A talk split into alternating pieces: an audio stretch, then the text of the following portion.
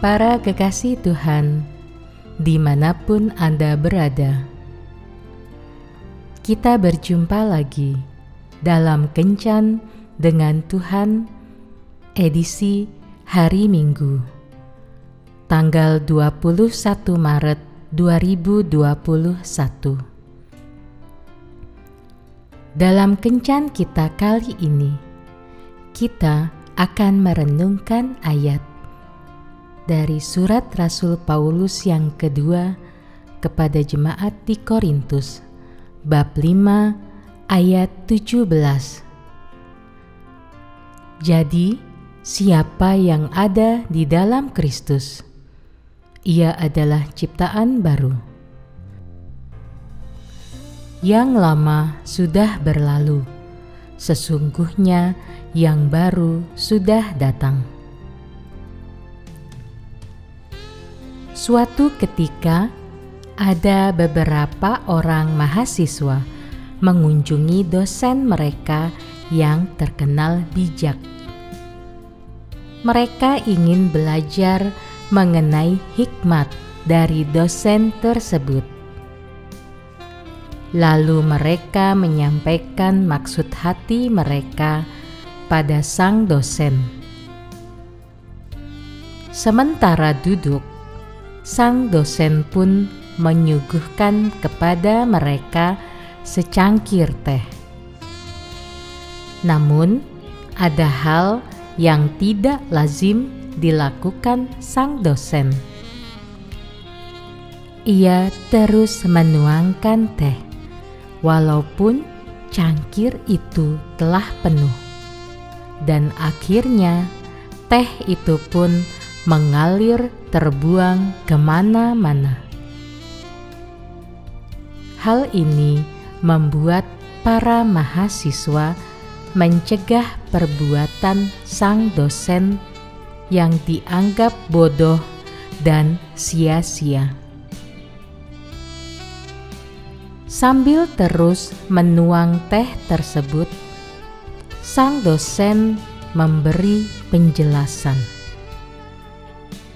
Demikian juga dengan kehidupan kita. Sesungguhnya, kita tidak bisa menerima sesuatu yang baru jika kita masih dipenuhi dengan semua hal-hal yang lama karena semua itu hanya akan terbuang dengan percuma. Penjelasan sang dosen tersebut pun membuat mereka tercengang. Kehidupan yang kita jalani ini memiliki tiga masa, yaitu masa lalu, sekarang, dan yang akan datang. Kehidupan masa lalu dapat dikatakan sebagai kehidupan lama kita yang dipenuhi dengan cara hidup yang sia-sia. Bisa berupa pikiran, prinsip, kecintaan akan dosa, dan kebiasaan-kebiasaan lama yang tidak baik. Namun, sesudah bertobat, kita akan menjadi ciptaan baru dan memiliki kehidupan yang baru. Baru dalam pikiran, hati, maksud, tujuan, pandangan terhadap Tuhan dan kebenaran. Untuk itu, kita harus mengisi hidup ini dengan hal-hal yang baru pula, agar mengalami pembaharuan yang semakin hari semakin sama seperti Yesus.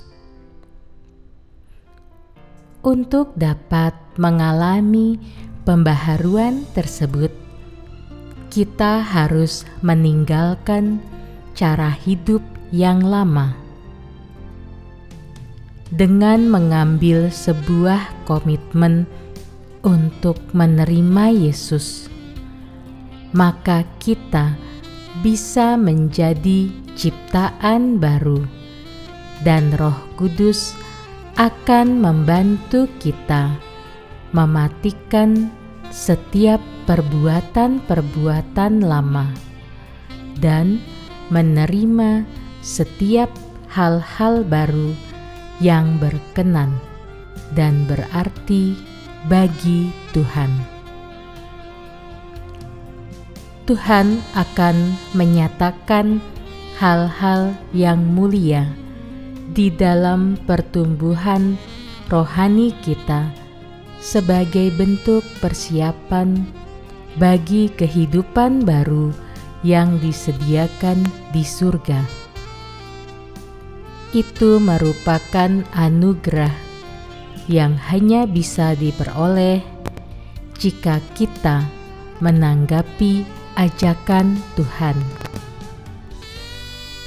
Itu sebabnya, jangan biarkan hal yang sia-sia menghalangi Tuhan untuk bekerja dan mengisi hal-hal yang mulia dalam hidup kita.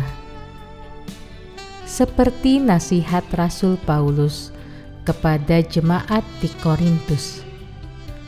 Sebagai teman-teman sekerja, kami menasihatkan kamu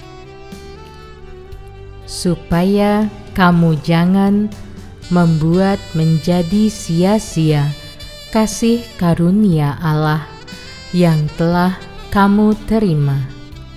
2 Korintus bab 6 ayat 1 Tuhan Yesus memberkati. Marilah berdoa.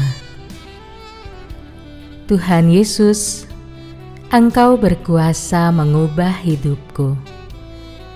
Aku menyerahkan hidupku menjadi ciptaan baru di dalammu.